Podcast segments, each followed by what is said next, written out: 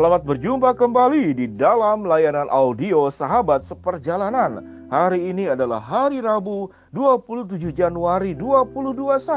Tema renungan dan saat teduh kita dengan judul Memohon dan Bersyukur. Memohon dan bersyukur. Firman Tuhan terambil dalam Filipi pasal keempat ayat yang keenam. Demikian bunyi firman Allah. Janganlah hendaknya kamu khawatir tentang apa pun juga.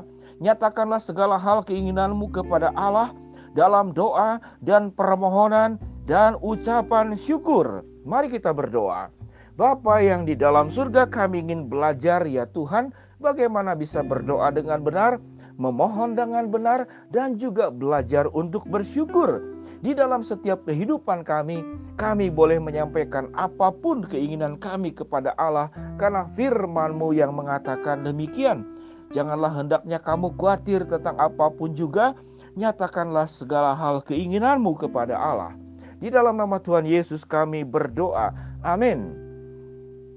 Sahabat seperjalanan yang dikasih Tuhan, saya percaya sahabat seperjalanan akan mendapatkan sebuah wawasan yang baru tentang bagaimana kita berdoa, bagaimana kita memohon, bagaimana kita meminta kepada Tuhan. Ada banyak sikap orang percaya yang kemudian menjadi berbeda-beda. Ada yang sangat percaya bahwa doanya itu pasti dikabulkan Tuhan. Ada yang kemudian sangat percaya bahwa doa itu tidak perlu dan apa yang dikerjakan itu harus dari diri sendiri dan tidak perlu melibatkan Tuhan karena Tuhan memang tidak bisa berbuat apa-apa kalau kita tidak usaha, Tuhan tidak akan kasih yang datang dari langit. Memang juga saya belum pernah seumur hidup ada tiba-tiba karung jatuh dari langit di depan orang ataupun di depan rumah saya. Itu memang tidak ada. Sahabat seperjalanan yang dikasih Tuhan, dua sikap demikian bagi saya dua-duanya salah sesuai juga kebenaran firman Allah. Jadi yang pertama adalah kalau dia berdoa, beriman pasti dijawab, itu salah. Kalau kemudian dia yakin bahwa tidak perlu berdoa, Tuhan tidak pernah memberikan sesuatu. Kalau kita tidak berjuang dengan usaha sendiri, jadi berhasil atau tidak berhasil sangat tergantung perjuangan kita dan tidak perlu melibatkan Tuhan. Sahabat seperjalanan itu dua ekstrim yang ada di sekitar kita. Mari kita belajar Alkitab memberikan urutan yang sangat luar biasa dalam Filipi pasal keempat ayat yang keenam. Yang pertama urutan yang pertama adalah janganlah hendaknya kamu khawatir. Jadi artinya kenapa tidak boleh khawatir? Kenapa tidak boleh khawatir? Karena ada Allah yang menyertai kita. Karena Allah ada Allah yang tahu bagaimana menjaga kita. Bagaimana memberi yang terbaik kepada kita. Sehingga kita tidak perlu khawatir. Kita hidup, kita ada juga diciptakan oleh Allah. Dan Allah akan menjaga kita kecuali kita lahir atau hidup. Atau saudara lahir saudara terbuat dari mana atau keluar dari pohon jambu atau dari pohon rambutan. Kan tidak demikian. Atau dari batu akan tidak. Kita tercipta kita terlahir kita hidup di dalam dunia ini berasal dari Tuhan.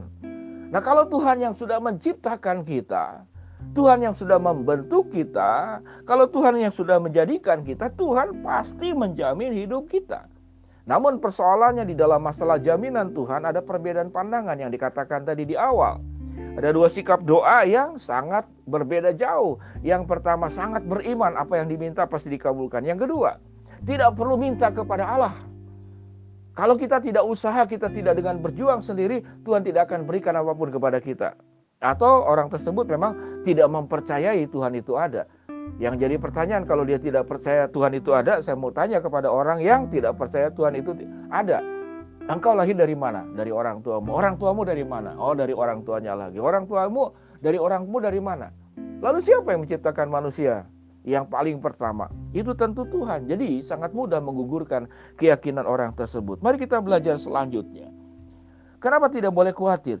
Nyatakanlah segala keinginanmu kepada Allah. Banyak orang percaya hanya berhenti kepada nyatakan segala keinginanmu kepada Allah. Dengan menyatakan segala keinginan kepada Allah di dalam doa, seakan-akan dia yakin bahwa apa pun yang diminta pasti dijawab. Kalau dengan iman, ternyata tidak demikian. Selanjutnya, nyatakanlah segala keinginanmu kepada Allah dalam doa. Ayat ini tidak berhenti pada di sini, lalu dilanjutkan dengan apa? Dengan dan permohonan. Apa itu permohonan? Permohonan itu adalah sesuatu yang kita mintakan kepada Allah dan yang menjawab ya dan tidak atas permohonan kita adalah Allah sendiri. Allah akan mensortir sifatnya itu. Permohonan mana yang membahagia, membahayakanmu? Permohonan apa yang kemudian baik untukmu? Kita belajar yang hal sederhana. Kalau anak tiga tahun meminta pisau, kita akan berikan atau tidak? Tentu tidak, sekalipun pisau itu punya manfaat yang baik. Namun tatkala pisau dipegang oleh orang yang belum terampil menggunakannya, itu bisa membahayakan atau di, pisau diberikan kepada orang dewasa namun hatinya penuh dengan kejahatan, hatinya penuh dengan kemarahan, kebencian. Jangan-jangan pisau tersebut dipakai untuk melukai orang lain atau kemudian mencelakakan orang lain. Jadi doa itu hanya dengan yakin percaya menyatakan keinginan tidak berhenti sampai di sana kita harus dikatakan nyatakanlah segala keinginanmu di dalam doa dan permohonan. Permohonan itu artinya kita meminta yang mengabulkan siapa? Yang mengabulkan Allah, ya atau tidak atau tunggu. Sehingga jawaban doa Tuhan itu memang seperti lampu stopan. Kalau ya lampunya hijau, kalau tunggu itu kuning, tidak sekarang diberikan nanti. Tuhan akan timbang-timbang dulu kapan diberikannya kita tidak tahu, hanya Tuhan yang tahu atau merah, itu permohonan. Tuhan mengatakan tidak. Tuhan akan mengatakan tidak. Jadi setiap jawaban Tuhan ya, tunggu atau tidak, itu semua demi kebaikan kita.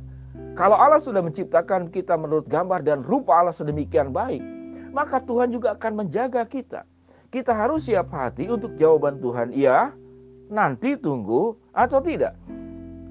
Sebagian orang mengatakan, "Wah, kalau mengatakan uh, Tuhan itu tidak atau kemudian nanti berarti kita tidak beriman. Berarti kelompok ini adalah kelompok orang yang memaksakan kehendak kepada Allah.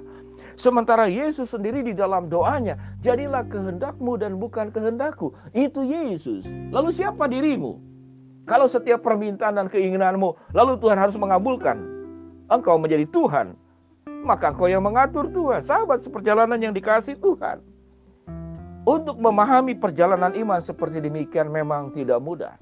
Saya berikan satu contoh sederhana.